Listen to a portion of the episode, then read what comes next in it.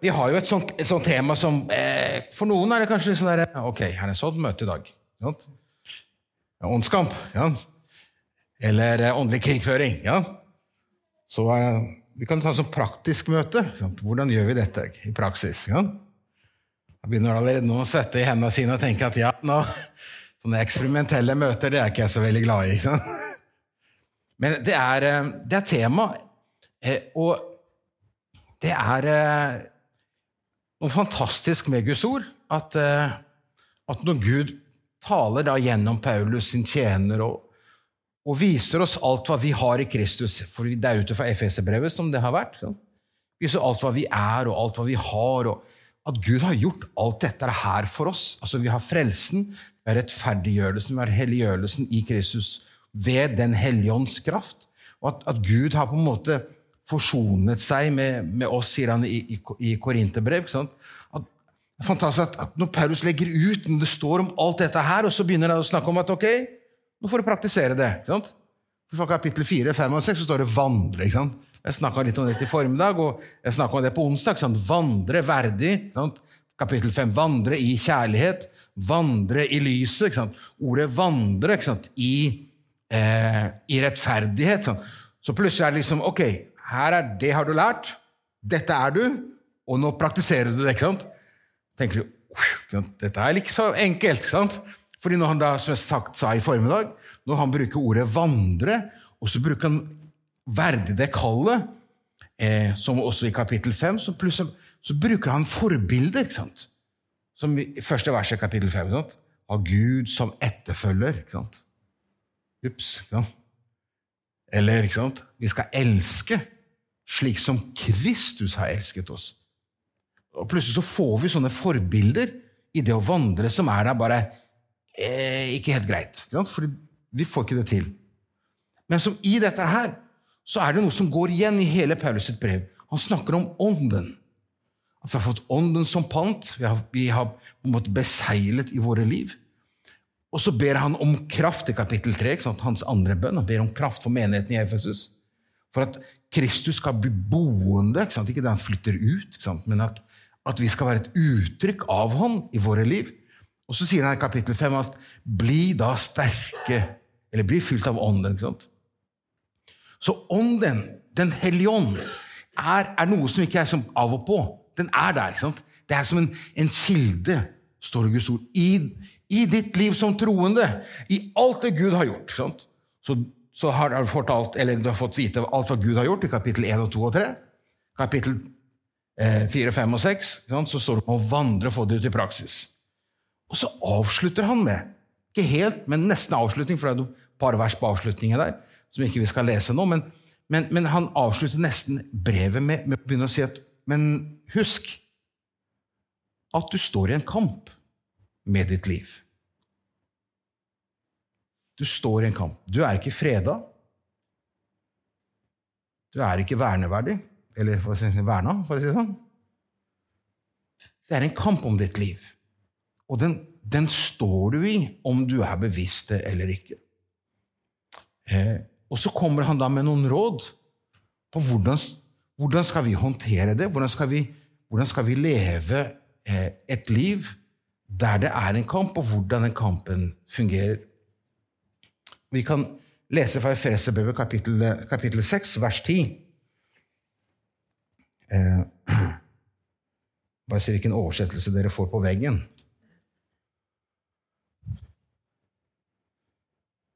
Så får lese den samme, så slipper dere å tolke det jeg leser.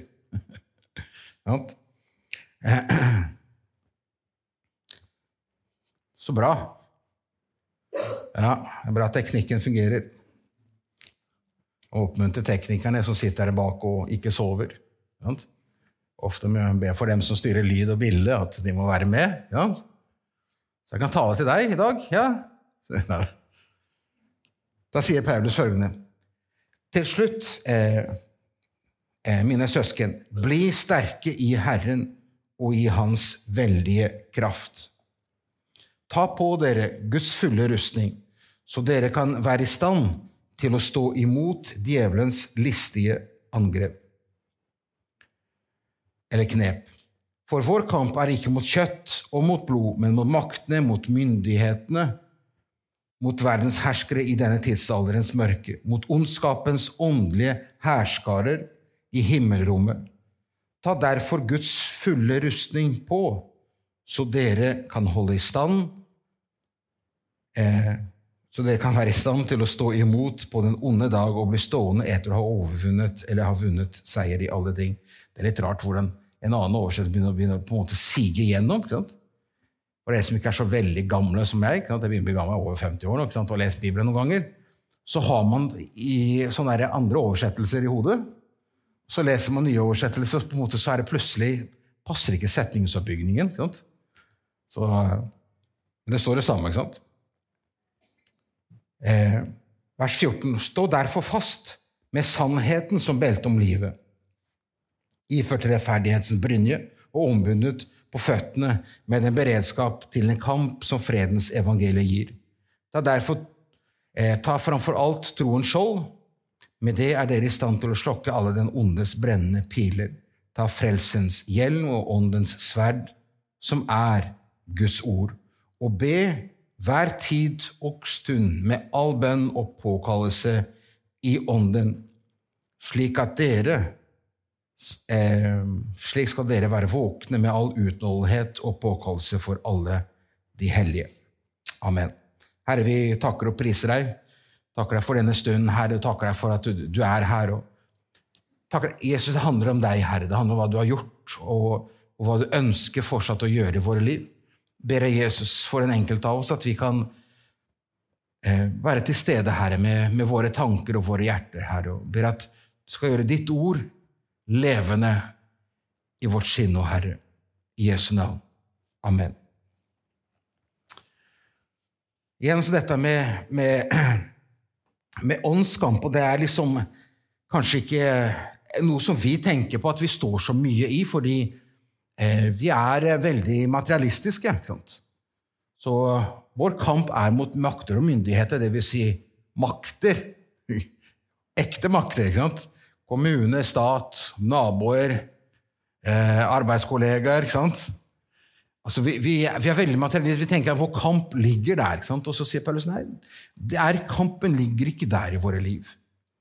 Vår kamp ligger på en, en åndelig på en måte plan på en helt annet, annet, sted. Det ligger i det indre mennesket, og det ligger i et åndelig atmosfære.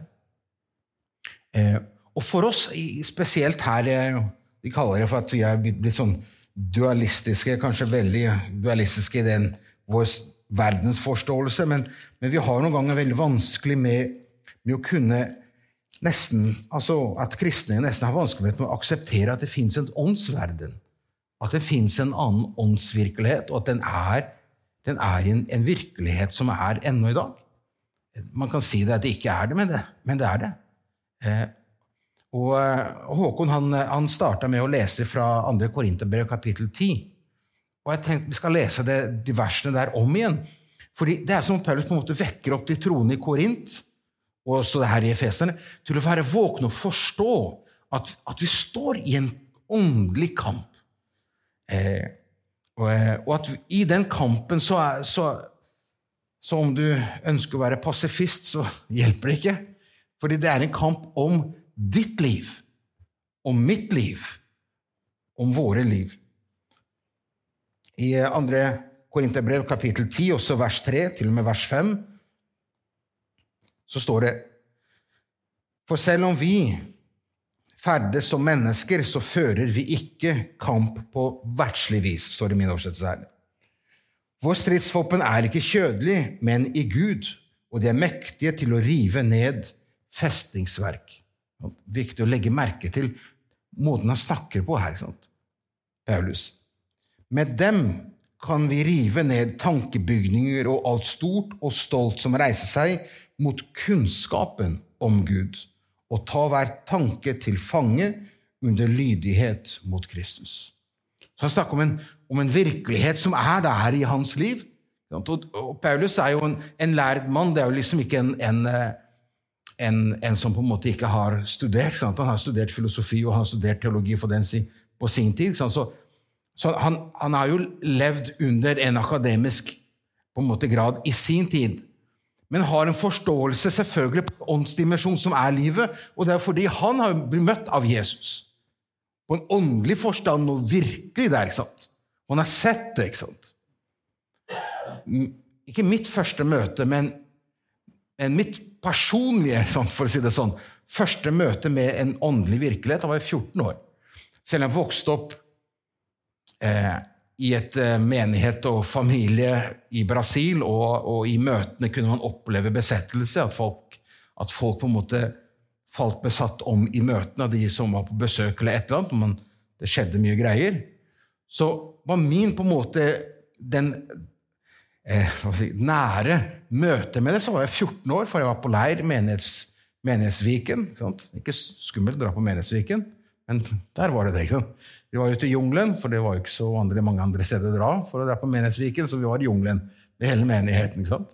Og overnatta der og hadde bønnemøte på kvelden, og der var det blant annet en eh, Luciano, tror jeg han het. Og han, eh, han hadde vært innblanda i, eh, i, spiritisme og, og, svart magi, og var en, som det er en del av det i samfunnet i Brasil, og var med på, på, denne, denne, på denne leiren. Vi hadde møte en av kveldene. Og Den kvelden så hadde jeg mamma og pappa reist til Manaus, byen, for å hente noen svenske misjonærer som skulle være på besøk og være med på leiren. også pluss eh, Så det var igjen en som heter Geir Neselund, for en som husker han. Det var en misjonær i Brasil da. Og, og, så var vi vi andre, ikke sant. Eh, så var det etter møtet så spurte jeg noen av disse ungdommene, sant, som jeg var en del av dem ja, Kan ikke bare be litt utover natta? Ja, det gjør vi. ikke sant? Det var ikke strømmen, så vi satt der i ring, og så ba vi, og så hadde vi der en parafinlampe, og så hørte vi litt sånne apekatthylene som du hører i jungelen på natta. Så det er ganske spennende. Enda bedre når pappa forteller det, for han er liksom, kan det det som lager lydene. ikke sant? Men, men, der vi sitter der, og så inviterer vi han Lucian til å sitte der sammen med oss.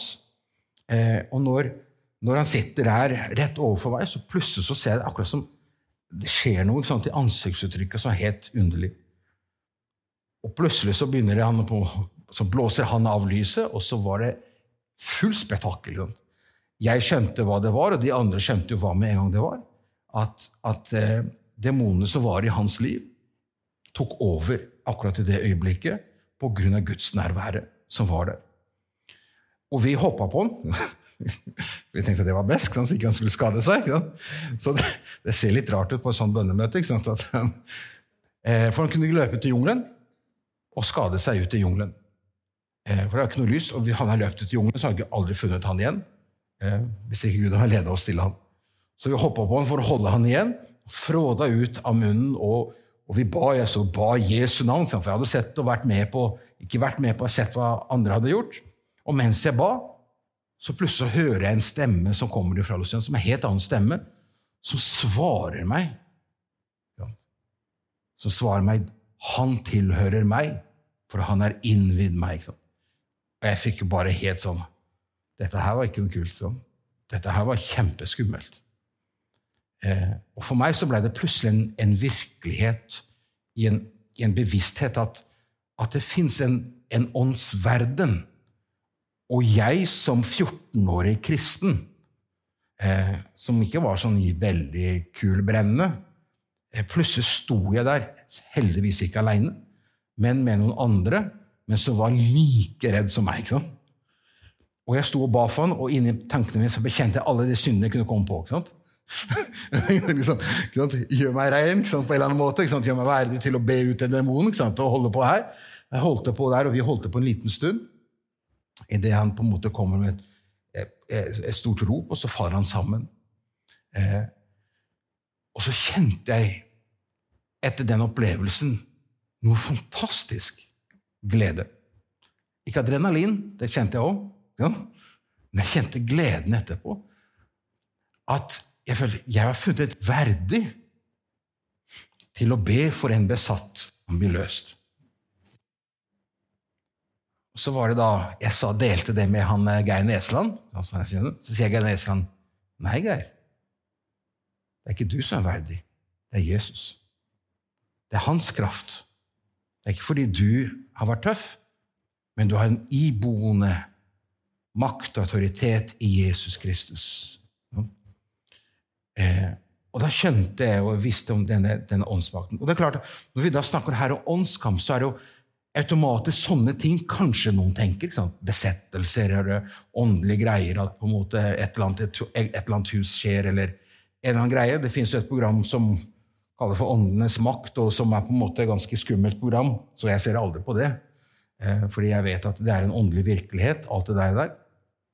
Eh, men, men når, vi, når, vi, leste her, når Paulus snakker om da denne åndskampen, så snakker han ikke om en åndskamp som, skal, som foregår der bare hos de andre, for det foregår ute i verden. Men han snakker om et, en åndskamp som foregår her. Jeg, ikke sant? i mitt liv som troende. Det kampen er her. Det er det denne rustningen handler om. Det er det Paulus skriver om, at, at vi står i en kamp med våre liv. Og Derfor kommer han med, med, disse, med dette rådet av hvordan vi skal, hvordan skal, skal vi håndtere dette. ikke sant?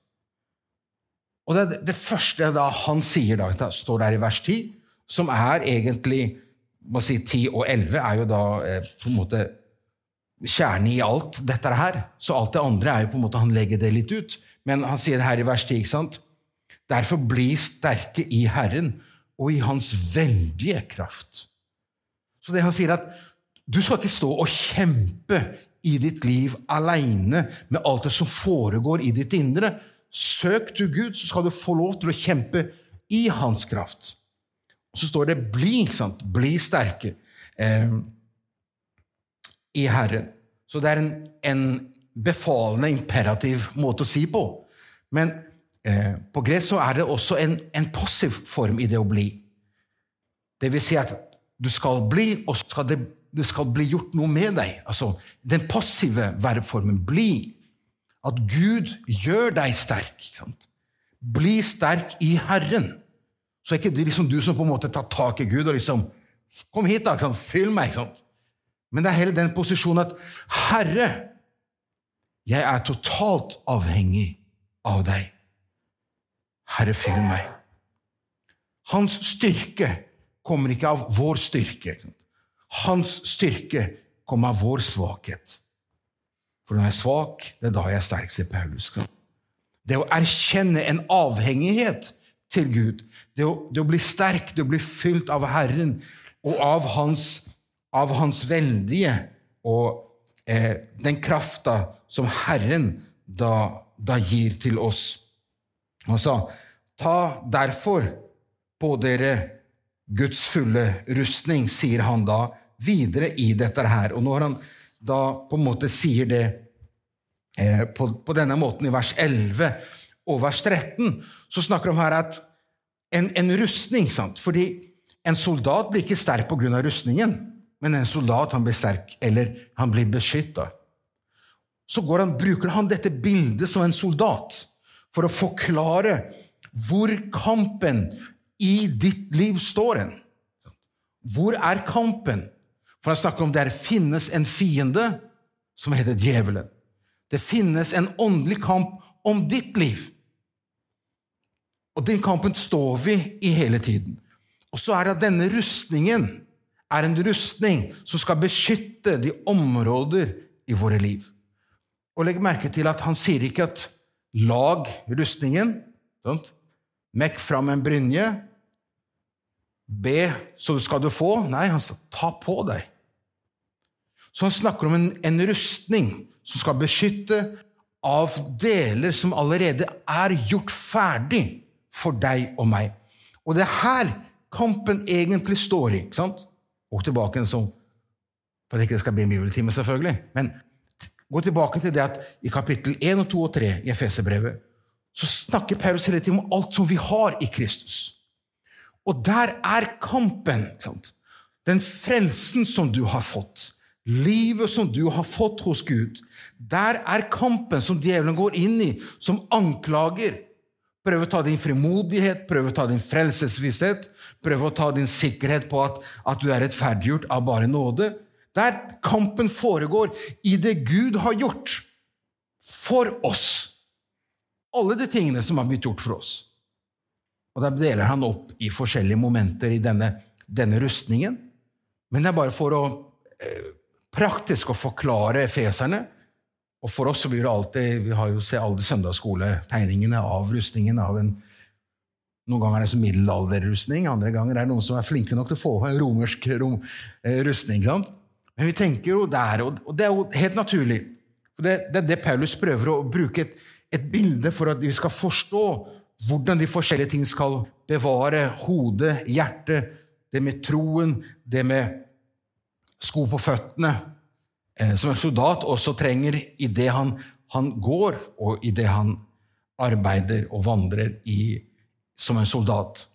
Også da sverdet, som er det ordet, og Guds ord, eh, som er Den hellige ånds kraft, som selvfølgelig taler gjennom Guds ord. Så han, bruker dette bildet for å forklare at kampen Det står ikke der ute om nødvendigvis bare det som skjer i samfunnet eller hos andre mennesker, og at vår kamp ikke er mot makter og myndigheter, og heller ikke mot naboene du har, eller mot mennesker som er vanskelig. Det er en åndelig kamp, og den beseires på en åndelig vis.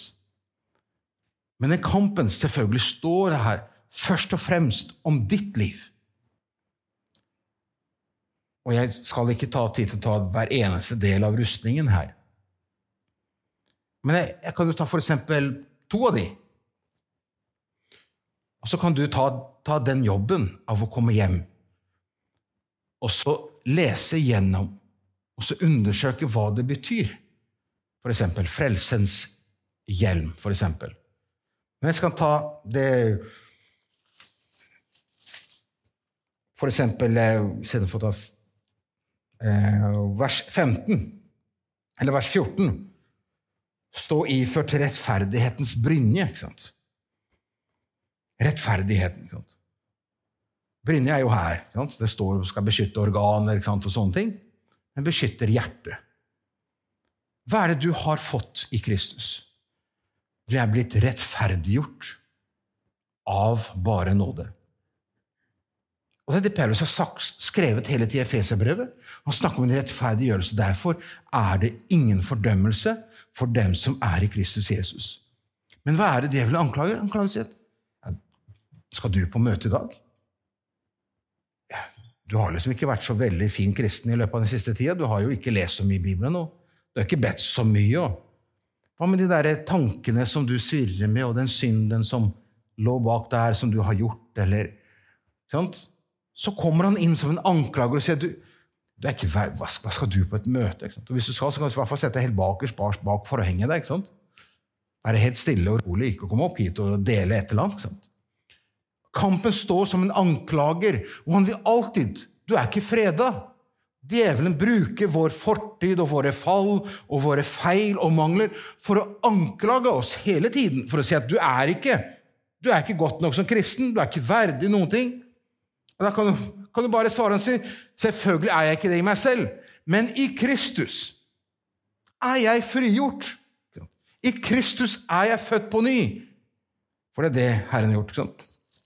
En enkel tekst til det, f.eks. Efeserbrevet, der Paulus skriver vers 1 i kapittel 1, for å bare holde meg til Efeserbrevet, som er i den sammenhengen som Paulus skriver nå, der han skriver følgende han, I ham har vi forløsning, ved hans blod, tilgivelse for overtredelsene etter hans nådes rikdom. Denne lot han tilfalle oss i rikt mål med all visdom og innsikt. Så vi er i Kristus Jesus tilgitt alt. Alt. Dine feil, dine mangler. Så kampen står om din, om din Du sier jeg, ja, jeg bør ikke ja, Jeg skal jo på møte, men liksom, det har ikke vært så veldig greit. Og det er jo ikke det. En annen kamp kan være tro. Troen skjold. ikke sant? Det står om din tro. Tro på hva? Tro på Guds ord, ikke tro på deg selv. for det er jo liksom vi jo sterkere vi tror på oss selv, jo mindre tror vi egentlig på det Gud gjør og er for oss. Så troen på, på, på Guds sine løfter, tro på hvem Gud er, tro på hva Gud har gjort Når kampen er, og når, når du står i når du, når du opplever at troen begynner å svikte Ja, kan kristne oppleve det? Kommer i troskriser? Å, yes, selvfølgelig. Alle kristne kan oppleve at Holder dette? Eller har det jeg har trodd hele mitt liv, er det egentlig sant, eller er det bare noe Jeg bare har ikke hatt noen annen påvirkning i livet, så derfor tror jeg det jeg tror. ikke sant? Det å komme i troskrise Det var til og med en som gikk tre år sammen med Jesus og så alt under og tegn som Jesus gjorde. Kom også i troskrise, som Thomas. Så hvorfor skulle ikke vi havne i troskrise? Når vi plutselig opplever at ting går i stykker, når vi opplever ting som vi ikke klarer å forstå, når vi plutselig opplever ting så vanskelig. Men det er interessant at når vi kommer i, i troskrise, det er da vi holder oss unna møtene. Fordi vi syns det er vanskelig. Ikke sant? Kommer folk og spør ja, åssen har du det. Jo, bare bra. Så tenker jeg ja, det her har det forferdelig. ikke sant? Så tenker du ja, ja, nå skal vi synge lovsang, og så synger vi lovsangen her, og så tenker du jeg kan ikke synge det som kommer der. Jeg kjenner, jeg kjenner ikke det sånn. Hva gjør du da, når du er i troskrise? ikke sant? Vi står i en kamp også med vår tro. Du er ikke freda, Din tro er ikke freda fordi du på en eller annen måte begynte en vandring. Vi står i en kamp med vår tro. Og hva gjør vi med dette her? Jo, vi bringer det innenfor Gud. Vi bringer vår troskrise innenfor Gud. Og sier, Gud, herre, jeg, jeg forstår ikke hvorfor jeg, jeg går igjennom dette her. Herre, hjelp meg, Herre. Troen kommer av forkynnelsen og forkynnelsen av Guds ord. Det er Den hellige ånd som fyller oss med en tro som er retta på Gud, rettet mot ham. Så i troskrise så bør man heller tilnærme seg enda mer Gud enn å holde seg unna. Så kampen om troen, den har vi alle på en eller annen måte, og så opplever vi kriser i det. Disse brennende piler, som det står, ikke sant? som kommer konstant. De er der i våre liv. Så her er bare to eksempler på, på hva, hva, Paulus snakker om, en, en, kamp som vi alle opplever på forskjellige områder, men det handler om områder i våre liv. ikke sant?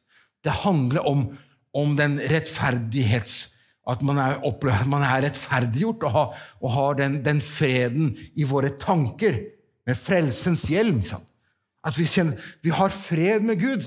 Liksom, ja, har jeg egentlig fred? Fordi jeg er ikke, jeg er ikke helt grei som kristen. ikke sant? Kampen foregår i vårt indre, i våre tanker, i våre hjerter, i vårt liv. Den er der konstant med våre liv. Derfor sier Paulus på måten det han gjør, bli sterke i Herren og i Hans veldige kraft. Hvor stor kraft har Gud? Ja, det er vanskelig å måle.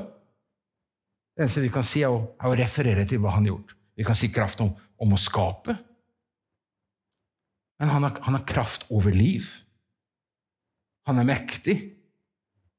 Og han er så allmektig at han blei ble som et menneske som deg og meg, og døde for våre synder, som gjorde at all din og vår skyld og menneskenes skyld. Der Gud forsonet verden med seg selv i Kristus Jesus. Gud har gjort alt. Hvor mektig er Gud? Gud er allmektig. Så det å bli befylt av Herren og bli sterk i Han i Hans veldige kraft handler om å være et liv i, i avhengighet av Han. Det handler om, om hva Gud kan. Å akseptere og forstå at jeg som kristen jeg trenger Guds fynde og Guds kraft ved Den hellige ånd. Så, så dette, denne, denne rustningen som jeg kan ta på meg For Det handler om et, en bevisst handling.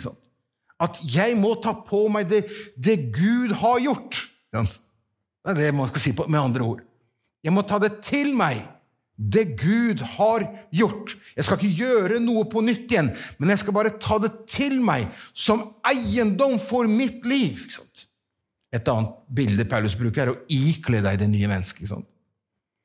Det, det, å ta det til seg, så vi kan holde i stand, så sier han, på den onde dag.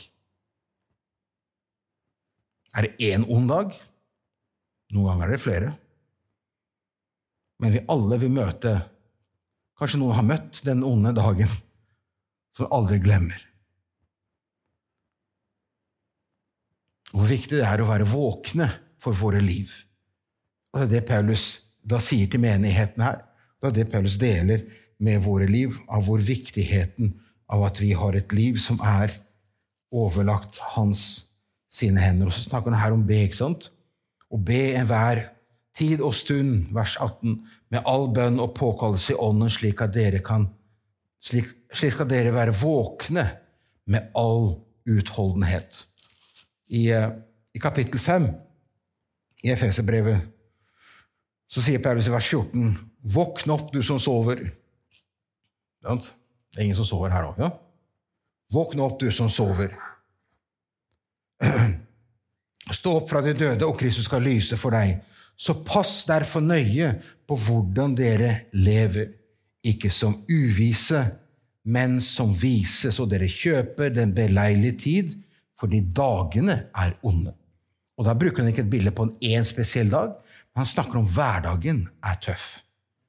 Så om du syns det er tøft å være kristen her, så var det mye mer verre å være kristen i Efesus for nesten 2000 år siden.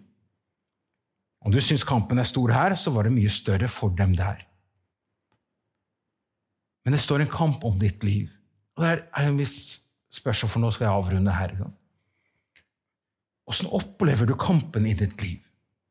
Eller tenker du at det er sånne der, eh, greier som jeg ikke forstår meg på? Helt greit.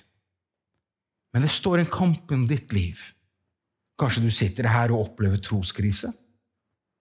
Kanskje du har en dyp troskrise i ditt liv, og du er her egentlig bare tilfeldig fordi det blei bare sånn. Men du kjenner hvor vanskelig at du sitter her og opplever en kamp i ditt indre. Forstår du dette, at Jesus elsker deg for det? Uansett. Han møtte Thomas der han sto med sitt troskrise, for å frigjøre han ifra det. Så Jesus møter deg der du står. Herren forventer ikke at du skal ha all tro så du kan flytte fjell hele tida, eller eller eller at du skal på en måte forstå alle ting. Men det Herren ønsker, er bare at du skal bringe til ham alt det du bærer. Som sitter her med troskrise. Jesus er her og ønsker og viser at han elsker deg. Kanskje du sitter her og opplever at du burde ikke være her fordi du skammer deg over ting som har skjedd i ditt liv. Du opplever at du blir anklaget i ditt liv på grunn av ting som var, eller ting som er. Synd som har vært, tanker som er. Så trenger du kanskje bare høre og forstå det igjen at det er ingen fordømmelse for den som er i Kristus Jesus. Han tok all din synd og skyld og straff på seg. Så når han hang på korset, så sa og ropte han ikke 'Nå er det delvis fullbrakt'. Han sa 'Nå er det fullbrakt'. Nå er det gjort. All synd er tatt bort i Kristus Jesus. Om du opplever vanskelig der, eller andre ting, men du står i en kamp i ditt liv, du er motløs og svak og kjenner hvordan ting er, og, og kanskje du forstår at du står i en kamp, men du vet ikke helt hvordan du skal få ting til å gå opp i løpet av uka og dagene fordi det er så vanskelig. Det eneste Herren ber deg om, er at bli sterke i Han. I den forstand, la Herren gjøre deg sterk. Det å bare erkjenne Jesus, jeg trenger deg. Jeg kan verken tro, leve, holde ut et kristent liv uten at du fyller mitt indre med din ånd. Så gjør Gud det. Fordi Gud har ikke overlatt deg og oss til oss selv som kristne, men har gitt oss Den hellige ånd, som skal levendegjøre alle disse tingene som vi har snakket om her. Gi oss kraft til å være vitne. Gi oss kraft til å leve et liv. Men første steget ligger kanskje i en erkjennelse at jeg trenger deg, Jesus, for jeg finner ikke ut av det. Så vi ber nå sammen, og så legger du ditt liv innenfor Herren av det du, du kjenner kampen ligger på ditt liv. og eh, Så skal jeg be en bønn, og mens jeg ber, så kan du be din bønn i ditt indre eller høyt, eller hva du enn vil. Men at du ber til Gud og bare sier med de ordene som du har eh, og fokusere på Han. Herre, vi, vi takker deg, Jesus, for at eh, du er her med din ånd, Herre. Vi takker deg for din nåde og din, din rettferdighet, Herre. Vi takker deg for at Herre, du døde på Golgata kors, Herre, mens vi enda var syndere, Herre. At, at din kjærlighet er så stor at selv her om vi svikter, Herre, selv om vi er så sta og egne, Herre, selv om vi går våre egne veier, Herre, selv om vi faller i synd, Herre, selv om vi, vi på en måte vandrer og lever et liv som ikke alltid er verdig deg, Herre. Herre, så etterjag du oss med din kjærlighet, Herre. Så, så vil du, ønsker du å fullføre det du har begynt i våre liv, Herre. Du gir ikke oss opp, Herre, fordi vi er dine, Herre. Du døde på kors for hver eneste en av oss, Herre. Derfor priser jeg Herre, og ære ditt navn, Herre. Du gir ikke opp, Herre. For legge våre liv innenfor deg, Herre. Den enkelte som er her i ettermiddag, Herre. Du kjenner hva den enkelte sliter med, Herre Jesus, har det vanskelig i sitt liv, Herre. Du vet hva det kan være i livet, Herre. Men la vi oss alle, Herre, som er her nå, i ettermiddag, få lov til å åpne våre hjerter og si, Jesus, jeg trenger deg, Herre. Fyll du mitt hjerte, Herre. Fyll du mitt indre av deg, Herre. Herre, jeg klarer ikke å være en kristen, jeg klarer ikke å leve som en kristen. Jeg har ikke tro nok, styrke nok, Herre. Herre, jeg trenger deg, Herre, at du blir levende ved din ånd i mitt indre, Herre. For at jeg kan være et uttrykk av deg, og ikke bare et uttrykk av meg, som prøver å være en kristen, Herre. Å, Herre, kom du med din ånd, Herre.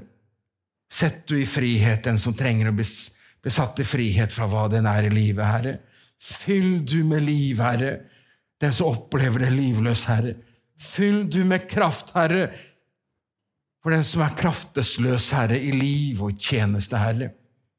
Og jeg takker deg, Jesus for at du er her ved din ånd, Herre, og ønsker å møte, Herre Jesus, våre behov av det vi trenger for å leve det livet som du har for hver eneste en av oss, Herre.